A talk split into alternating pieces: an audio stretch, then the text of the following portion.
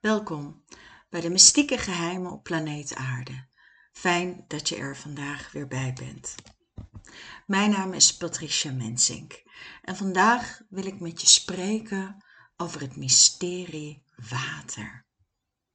Het is overal om ons heen. Soms heel weinig en soms heel veel water. Wij bestaan voor ongeveer 70% uit water en we kunnen niet zonder deze vloeistof leven. Maar hoe zit het dan met die onzichtbare dimensie van water? Wat is het eigenlijk, water? Wat is het verschil tussen zoetwater en zoutwater? Waar komt het vandaan? We gaan vandaag met elkaar hopelijk het een en ander ontrafelen. Ook ga ik natuurlijk met jullie het hebben over het bewustzijn van water. Want waarom zijn we ook zo gefascineerd door water? Al sinds de vroegste tijden werd water beschouwd als het symbool van de ziel. Als een prima materia, de voornaamste substantie van het universum. Dat het leven zich uit de zee ontwikkelde.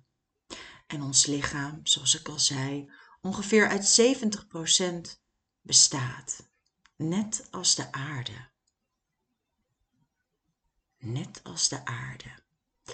En als je dan teruggaat naar een baby. Een baby kan wel tot 80% uit water bestaan. En net voordat je sterft, neemt het percentage enorm af. Soms tot ongeveer 50% en dan is het klaar. En ik weet niet hoe het bij jou zit. Maar wanneer ben jij voor het laatst bij een dokter geweest, een reguliere dokter, die zei tegen jou: Drink jij wel genoeg water? En naast ademen is het het allerbelangrijkste. Maar er is natuurlijk een verschil tussen zoetwater en zoutwater. Zoutwater is er veel meer op deze aarde. Ongeveer 97% van het water is zoutwater. En wat is dan precies dat zoutwater? Ja, dat heeft te maken met een zoutoplossing. Meestal is het ongeveer 0,9% tot 1,8% en dan wordt het zoutwater genoemd. Water met een zoutgehalte van minder dan 0,1% wordt zoetwater genoemd. En op deze aarde heeft het zoutwater van de oceanen het hoogste zoutgehalte en tegelijkertijd ook dus het meeste water. Ik ben mijn hele leven al gefascineerd door de zeeën en door water. Nog even wat kleine getallen. De hoogste zoutconcentratie zit in het meer in Don Juan in Antarctica met maar liefst 40 procent. Dat is best wel heftig. Goed, ik zei het net al. Het is er donker en koud. Ze herbergen de meest spannende geheimen.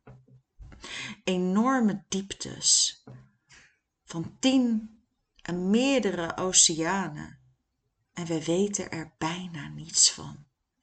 Want in deze tijd zijn wij zo geconditioneerd om alleen maar naar boven te kijken. Is er water op Mars? Is er water ergens op de planeten boven ons te vinden, terwijl de echte mysteriën zich misschien wel in de oceanen bevinden. En ik wil heel kort een aantal grote oceanen benoemen, maar vooral om de omvangrijkheid en de enorme kracht ervan met jou door te nemen.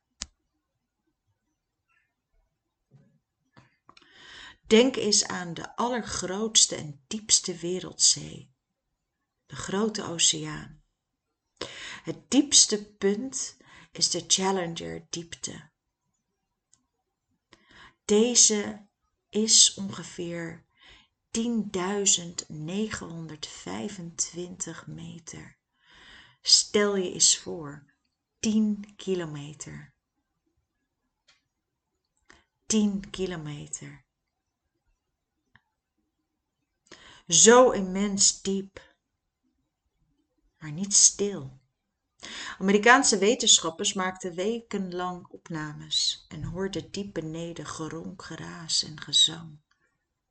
Aardbevingen, scheepsgroeven, walvissen, de golven en de windvlagen. Wat is het grote mysterie van die oceanen? En nogmaals, 70% van de aardoppervlakte bestaat uit water, net als de mens. Alleen, er is dus een mysterie dat wij hebben dat zoete water nodig. Daar ga ik zo nog verder over spreken met jullie. Atlantische Oceaan. Meer dan 8000 kilometer. Hij bedekt het vijfde deel van de aarde en hij scheidt continenten van elkaar. De Atlantische Oceaan. Op de bodem van deze oceaan ligt de machtige Mid-Atlantische rug, de langste bergketen die onder water ligt. Hij verdeelt de Atlantische Oceaan in twee enorme bassins.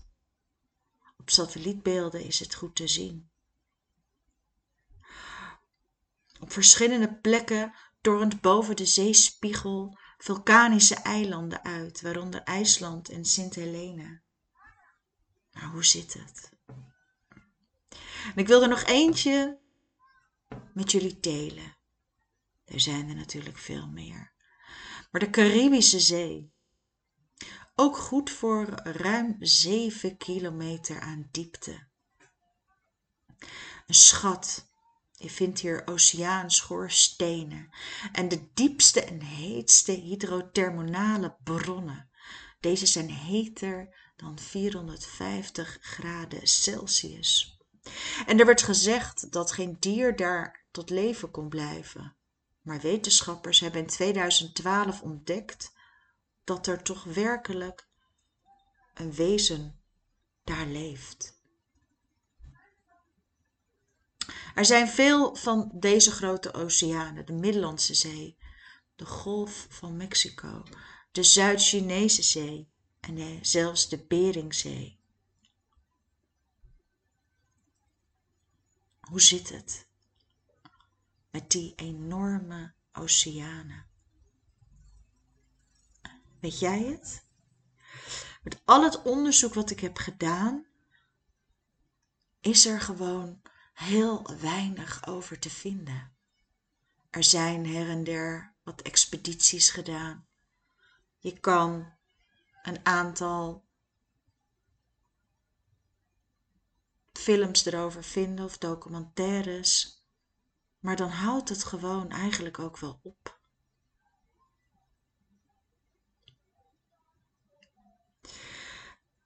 Ik wil eens met je gaan kijken naar zoetwater.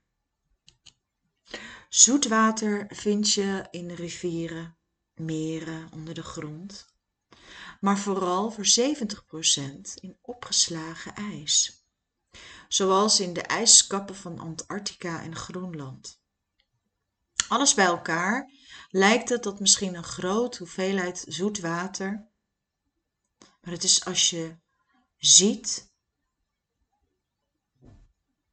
dat dus de aarde voor 70% bedekt is met zeeën en oceanen en het 98% dus bestaat uit zout water, hoe zit dat dan? Hoe kan het dat die meren en die rivieren, ja, dat die zoet zijn? Die meren en rivieren die zijn vaak niet zo diep. Misschien een paar meters. Maar daar houdt het ook wel bij op. Er wordt gezegd dat het zoute water komt door de verwering van gesteente aan de aardkorst, maar ook mineralen waaruit het gesteente is opgebouwd, dat dat oplost. En dat deze opgeloste mineralen elementen leveren en die komen dan wel ook weer in de rivieren en het grondwater in de zee terecht. En als het zeewater te zout wordt, dan komen er nieuwe mineralen. Maar als het zoet is, dan kunnen wij het drinken. Dan kunnen wij het drinken. En dat zout, ja, aan de ene kant hè, kunnen we uh, goed leven, hebben we ook zout nodig. Het, het keukenzout hè, dat we kennen, dat is bijvoorbeeld niet zomaar zeezout. Uh, zeezout is natuurlijk ook wel te vinden. Maar het wordt in veel warme landen wordt het bijvoorbeeld wel gewonnen. Het is prima om het te gebruiken. Maar waarom is nou te veel zout niet goed voor ons? Kunnen we zeewater drinken of waarom juist niet? Nou, dat is heel interessant. Want door de grote hoeveelheid aan zout, daardoor kan ons lichaam dus weer uitdrogen. Het lichaam krijgt een seintje drinkwater. En we drogen dan uit, waardoor een zoutvergiftiging ontstaat. Die zoutvergiftiging, daardoor kun je waandenkbeelden krijgen. Je ziet het soms wel eens bij een film waar mensen eindeloos op zee verdwaald raken. Het drinken van zeewater verkleint je overlevingskansen. Alleen het drinken van zoetwater kan dus je leven redden. En op de eerste dag hoeft er eigenlijk nog niets gedronken te worden. Dus je kan echt zeker wel een dag zonder water. Een tweede dag 400 milliliter. En de dagen daarop zou je moeten kunnen toekomen met 55 tot 220 milliliter. Dit lijkt weinig, maar het lichaam kan zich hiermee redden. Het lichaam kan zich hiermee redden. Het drinken bijvoorbeeld van de eigen urine, hè, wat ook wel eens gezegd wordt, stel dat er echt een toestand is, is ook geen optie. Want alleen tijdens de eerste dag is het nog goed genoeg om te drinken, omdat het dan nog wat waterig is. Hoe langer je zonder water bent, hoe ook geconcentreerder de urine wordt en hoe meer afvalstoffen er zijn. Stel dat je echt geen water hebt en je bent op zee en je denkt, weet je, ik laat uh, het water gewoon verdampen en dan vang ik het weer op. Ook dat is niet voldoende, want er blijven te veel zouten achter. Zoet water onderscheidt zich echt van zout water doordat het een ander gehalte heeft. Het heeft een heel klein zoutgehalte. Het is nogmaals belangrijk om je te realiseren dat van al het water wat er op de aarde is, er slechts 3% zoet water is.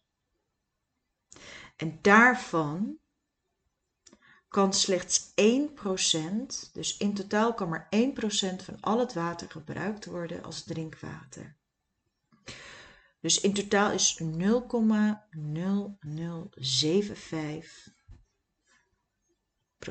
aan zoetwater beschikbaar voor mensen, planten en dieren. En daarmee kom ik gelijk op het volgende mysterie. Daarmee kom ik op het volgende mysterie. Wij leven op deze planeet. Stel je voor, hè? wij leven op een planeet vol met zoutwater. Nou, dat zoutwater, dat heb ik net uitgelegd, dat kunnen wij niet drinken. We kunnen het gebruiken extra om wat zout toe te voegen, Maar als we echt dorstig zijn, dan lukt het niet, want je organen gaan kapot en je binnen no droog je uit en sterf je. Maar ook de planten en de dieren die hier op de aarde wonen, die hebben dus ook zoet water nodig. Dat is toch wel zo mystiek. Stel je dat eens voor, denk daar eens over na. Probeer eens na te denken over de diepere laag daarvan. En hou dan je gedachten vast, want ik ga nog veel informatie met jullie delen hierover, maar ik ga heel even terug naar iets anders. Dus hou dit vast. Dan wil ik even over die magische krachten. En ik denk dat jullie hen allemaal wel kennen, Dr. Masuru Emoto. Die Japanse onderzoeker, die werkte al jaren met water. En hij maakte mensen er eigenlijk dus beter van, omdat hij liet zien dat water bewustzijn had. Hij begon met bevroren waterkristallen aan muziek bloot te stellen, van Beethoven tot heavy metal. En dat fotografeerde hij. En hij wilde ook weten of gedachten invloed hadden op de waterkristallen. Hij voorzag flessen water van etiketten met menselijke emoties.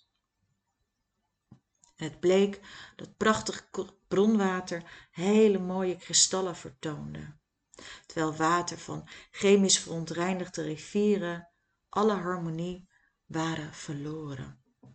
En water heeft dus blijkbaar het vermogen om de informatie waaraan het blootgesteld wordt op te slaan.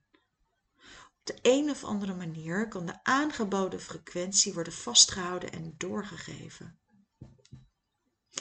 elk woord, elke gedachte. Stel je dat eens voor in dit leven. Stel je dat eens voor. En dan ga ik nogmaals, wij leven hier op aarde. Hoe we hier precies terechtgekomen zijn. Voor degene van jullie die mij volgen, ik heb al een aantal verhalen met jullie ook gedeeld. Stel je dan voor dat dus alle planten en dieren, we hebben allemaal dus dat zoetwater nodig. Goed. Ik ga gewoon even nog wat anders. Het is echt uh, ook heel apart. Wist jij, wist jij dat wanneer mensen bijvoorbeeld verdrinken, dat dat voor meer dan 90% gebeurt in zoet water. Zwembaden, badkuipen, rivieren. Het heeft te maken met chemie en ook hoe het water de osmose beïnvloedt. Verdrinken in zout water is eigenlijk dat je verstikt. Wanneer je zoutwater inhaleert, zal namelijk de hoge zoutconcentratie voorkomen dat het water in de longweefsels kruipt. Wanneer mensen in zout water verdrinken, is dat meestal omdat ze geen zuurstof meer kunnen krijgen. Het inademen van zoutwater creëert letterlijk een fysieke barrière tussen de lucht en de longen. Een persoon die zoutwater heeft ingeademd kan pas weer ademen als het water is verwijderd.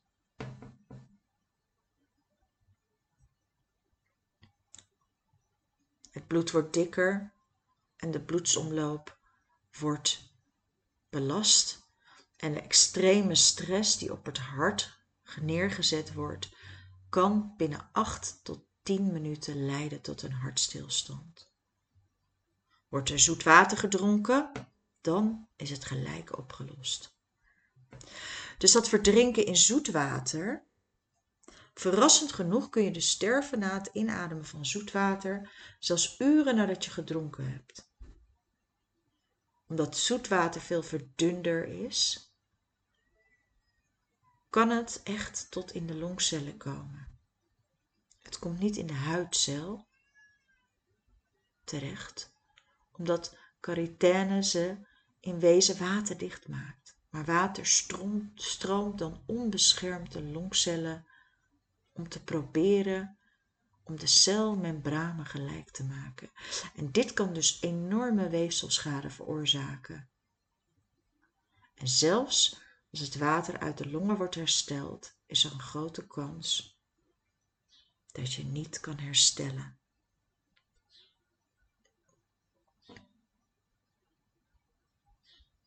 Als je een paar minuten onder water zoetwater hebt overleefd, kan acuut nierfalen optreden door gebarsten bloedcellen in de nieren.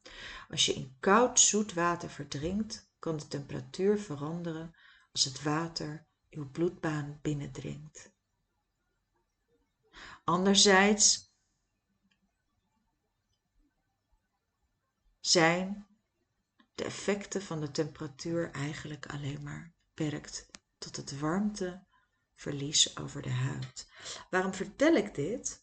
Omdat het interessant is om te weten hoe het dus werkt. Op het moment dat je dus weet hoe dat zit met het zoete water, dan weet je ook dat welke zuurstof er in het lichaam wordt ingebracht en wat daarvan de effecten zouden kunnen zijn.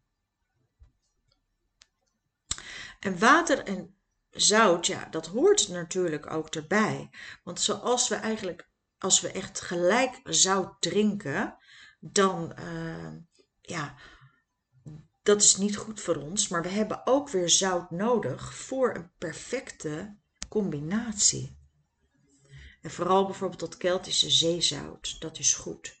En de Franse arts René Guiton, die toonde al in 1897 aan dat zeewater weer voor 98% dus identiek is aan ons bloed.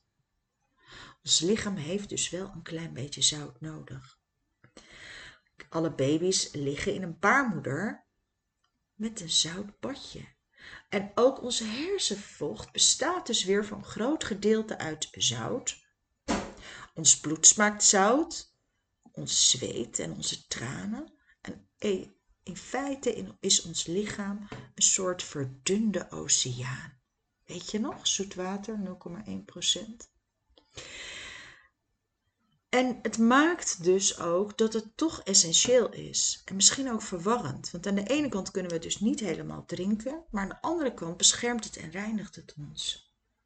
En helpt het ons om onze zuurbees op orde te krijgen. Wat weer heel belangrijk is. Want verzuring is vrijwel altijd de grondslag van alle ziektes. Je kunt allerlei vitamine nemen. Maar als je mineralen niet goed zijn Tja, bijvoorbeeld bij hoge bloeddruk wordt geadviseerd om geen zout te gebruiken. En dat is jammer, want het kan soms juist averechts werken. De mineralen in het juiste zout, juiste zout, moet je wel het juiste zout gebruiken, zorgen soms juist voor de juiste verhouding van vocht en mineralen. Samen met het drinken van genoeg water. Wat je bijvoorbeeld kan doen, wat een heel makkelijk recept is, misschien ken je het al wel. Vul bijvoorbeeld een glazen jampot, 1 derde met keltisch zout, 2 derde met water. Goed schudden, dat er een klein dun laagje zout op de bodem verschijnt. En dit kun je eventueel 1 of 2 theelepeltjes per dag in een glas water drinken. Donker bewaren, het liefst in de koelkast. En het werkt ook goed tegen hoofdpijn, vermoeidheid en ontgiftiging. Waarom wordt ons ook zo weinig verteld over zoet en zout water? Waarom is er zo weinig bekend over? Nou, als het gaat om natuurlijk de geneeskunde, als het gaat om instituties als de NASA, dan kan je daar denk ik wel iets bij bedenken. De gezondheidszorg die bloeit op zieke mensen, die heeft werkelijk geen interesse in mensen die beter worden. En het recept wat ik je net gaf, dat heet Zolen, is echt een aanrader, goedkoop en effectief. Zonder zout kan je dus niet leven.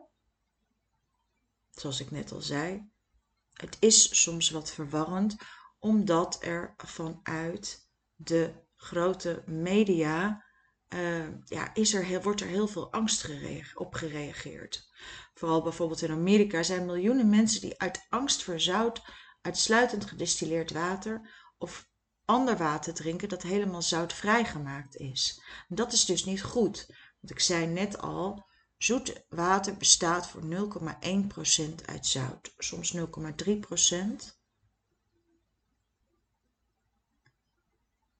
Dat is belangrijk om te weten. En dit is ook weer dus niet goed. Dus dat heel klein beetje zout, dat witte goud, dat hebben we nodig om de waterhuishouding te reguleren, optimaal te functioneren voor spieren en vezels, verminderen van huidproblemen en, daar komt ie, het stimuleert het immuunsysteem, het voorkomt verkoudheden en het werkt goed op ons welzijn. Die mineralen wat ik net alweer zei, die zijn gewoon ontzettend belangrijk. Wij hebben een aantal mineralen nodig.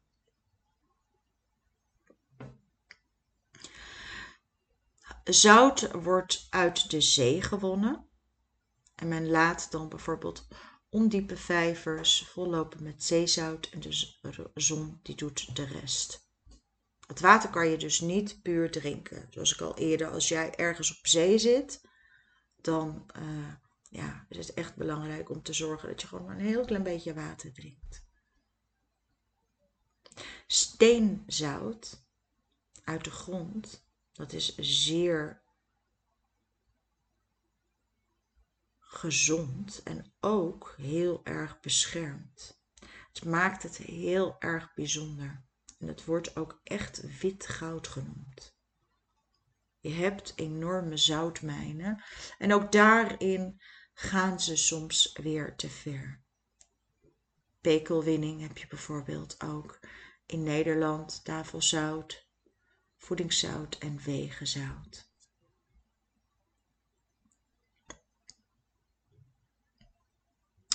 Goed, de zoute smaak van water uit de oceaan is niet de belangrijkste reden dat wij mensen dus geen zout water drinken. Het is dus die hoeveelheid. 9 gram zout en 991 gram water zou er in elke 100 gram vloeistof moeten zitten. Dat zou perfect zijn.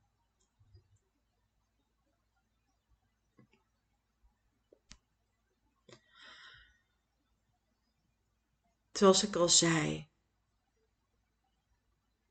water, er is zoveel magisch over.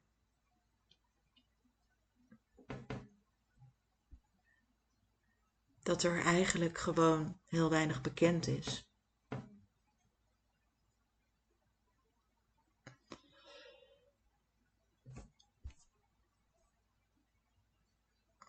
Er zijn overal grote onderzeese zoete watervoorraden eh, gevonden.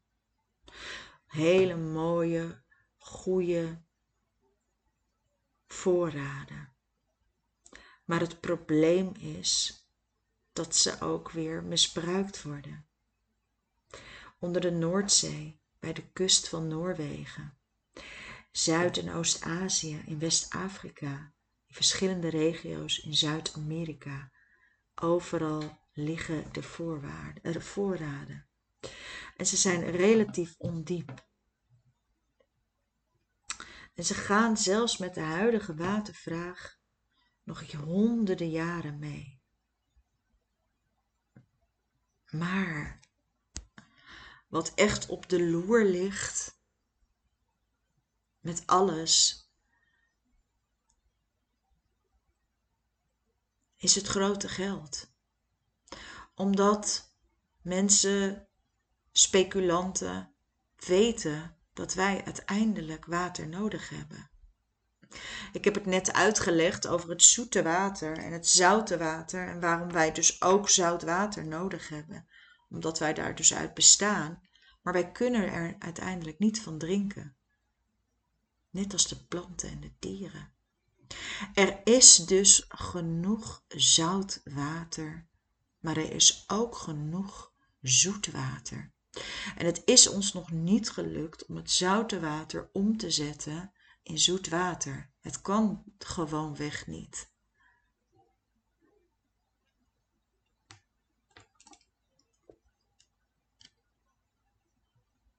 Ik wil je nog even meenemen weer naar Antarctica. 98% van het ijs ligt daar ongeveer 2 kilometer dik bedekt. En je ziet daar dat er echt een volledige verborgen wereld nog is van geheime rivieren onder de ijskappen. Er is een heel ecosysteem wat daar te vinden is.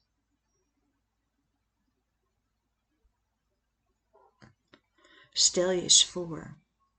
En op allerlei plekken overal ter wereld worden er constant nieuwe, mysterieuze onderwaterwerelden ontdekt.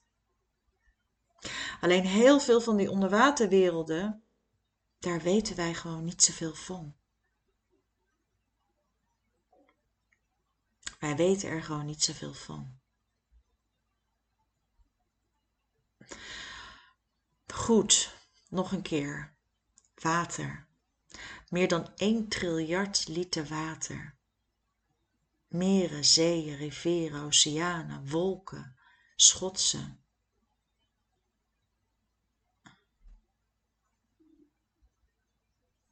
Al het water in de oceanen. Weet je nog, als je geluisterd hebt naar een van mijn eerste uitzendingen, vertel ik over de oerzee.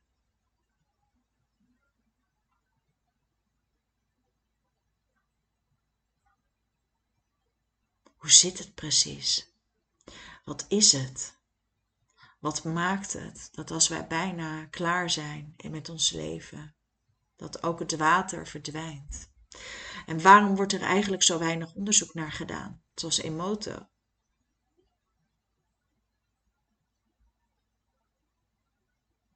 Nog even iets over een mooi meer in Rusland. Even een positieve noot.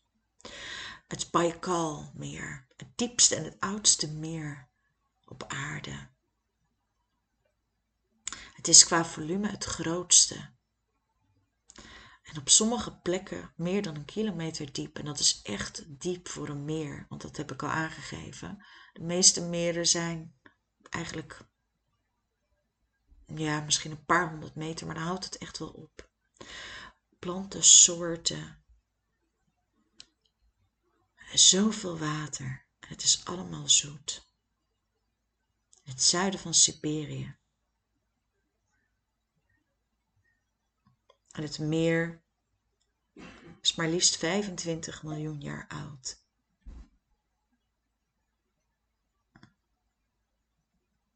Dus het kan. En alles groeit daar en alles bloeit daar. En daar hebben ze zelfs zoetwaterzeehonden. Je kan het gewoon niet eens bedenken. Of het is zo bijzonder. Alles en iedereen leeft daar met elkaar. Maar wel dus de zoet water. Want ook dat, hè, we hebben dus het zoute water, dus dat is een hele wereld, ook met vissen en planten. En je hebt de hele zoete wereld. Er zijn eigenlijk twee verschillende werelden één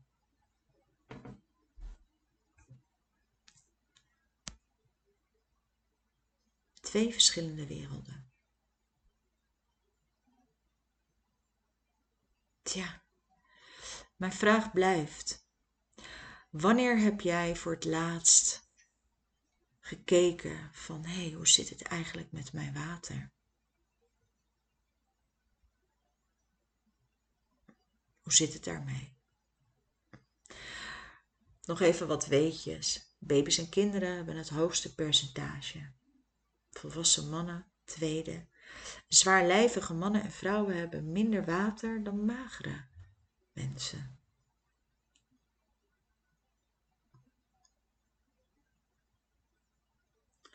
Het is echt goed om daar naar te kijken. Ongeveer 30 tot 40 procent van ons gewicht, van het menselijk lichaam, is het skelet.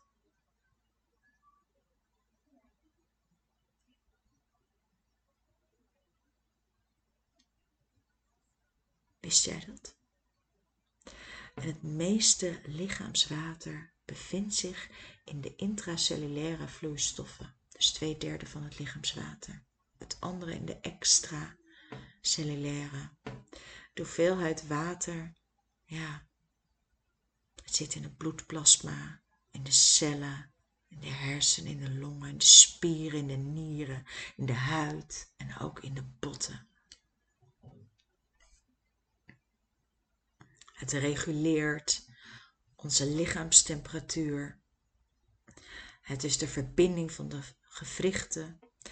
Het water isoleert de hersenen het ruggenmerg, de organen en de foetus. Het fungeert als een schokdemper. Het wordt gebruikt om afvalstoffen en gifstoffen uit ons lichaam via urine te spoelen. Het is het allerbelangrijkste oplosmiddel in het water. Het lost mineralen, oplosbare vitamine en bepaalde voedingsstoffen op. En water transporteert onze zuurstof en voedingsstoffen naar onze cellen ons lichaam bij een lichaamsgewicht van 80 kilo bestaat voor 50 liter, sorry, 50 liter water. Zonder water kunnen er geen levensprocessen plaatsvinden. Het is niet mogelijk. Die oerzee, weet je nog? Met een zoutgehalte van 0,9% Dat was iets lager dan nu. En uiteindelijk lager en lager tot wat het nu is. Ik wil nog heel kort even iets met jullie benoemen. het is misschien, uh, vertel ik nu vandaag ook veel praktische dingen. Maar ik wil het even hebben over het lymfesysteem. Terwijl het bloed en de bloedsomloop onderwerp zijn voor uitgebreid onderzoek, is voor veel artsen het lymfesysteem echt een gesloten boek. Dan komt ie. Ik ga nog heel even wat vertellen daarover. De lymfe bij ons ook omgeeft alle cellen en bevat behalve water en zout nog andere minerale sporenelementen. Ik heb het al eerder benoemd, zouten en eiwitten. De lymfe is het milieu waarin de cellen wonen en het maakt deel uit van bindweefsel. Een optimaal celmilieu is voorwaarde voor een gezonde cel. De vloeistof in een cel heeft andere mineralen dan de lymfe. De cel moet zijn afvalstoffen die ontstaan bij de energieproductie in de cel door de celwand afgeven aan de lymfe. Watermoleculen omhullen alle moleculen en cellen in het lichaam. Een Koreaans onderzoek laat zien dat water, dat levende proteïnen in het lichaam omgeeft, bijzondere kristallijne structuren met bijzondere fysische eigenschappen heeft. Denk ook aan het Japanse onderzoek van Emoto. In een levend lichaam toont het water zijn veranderlijke structuur. Het past zich aan aan de samenstelling en de fysische structuur van de omgeving, om zo de transport, bescherming en doorgeeffuncties optimaal te kunnen vervullen.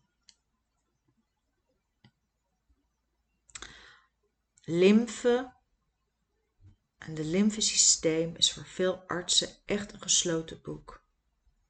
Het is heel belangrijk voor het immuunsysteem, voor de transport van voeding en afvalstoffen. Van de lymfe bevat 80% zich in de buikholte.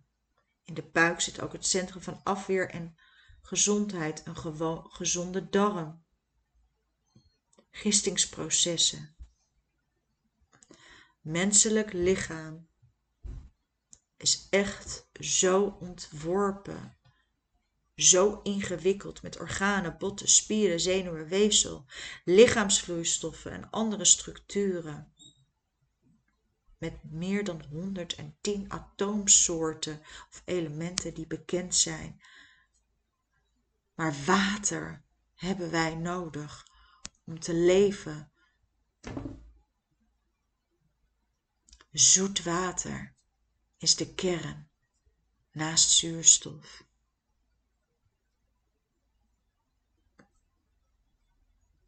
En waarom vertel ik dit allemaal? Omdat, ik zal jullie zeggen, en ik heb het al eerder benoemd vandaag, ik ben al jaren gefascineerd door water. Ik vind het spannend, ik vind het eng. Als ik in de zee zwem en denk, wat is daar beneden? Ik heb echt geen idee. En bijna niemand heeft een idee. Maar het is zo mysterieus en het is zo met elkaar verbonden. Dat ik vertel jullie over dit mystieke geheim. Maar ik heb hem nog niet kunnen ontleden, op geen enkele wijze. Ik kan jullie niet vertellen waar het vandaan komt. Ja, het komt van de mineralen, het komt van de aarde. Maar hoe, hoe ontstaat het? Hoe blijft het zo? Hoe kan het? Waar is beslist uiteindelijk dat het zo moet zijn? Hoe zit het met de dieren en de planten? Hoe zit het met die cellen in ons lichaam? Dat exact dat nodig hebben, maar toch ook net wel een beetje zout. Dat het kind in die baarmoeder ook in het zout. Voor mij heeft het nog meer vragen opgeroepen dan antwoorden. En ik blijf hier onderzoek naar doen. Voor vandaag hoop ik dat je, ja, dat je mee wil gaan op mijn reis. En misschien kan je mij nog veel meer vertellen daarover. Maar voor nu zeg ik bedankt voor het luisteren. Ik neem een slokje water en we zien en spreken elkaar snel weer. Dag.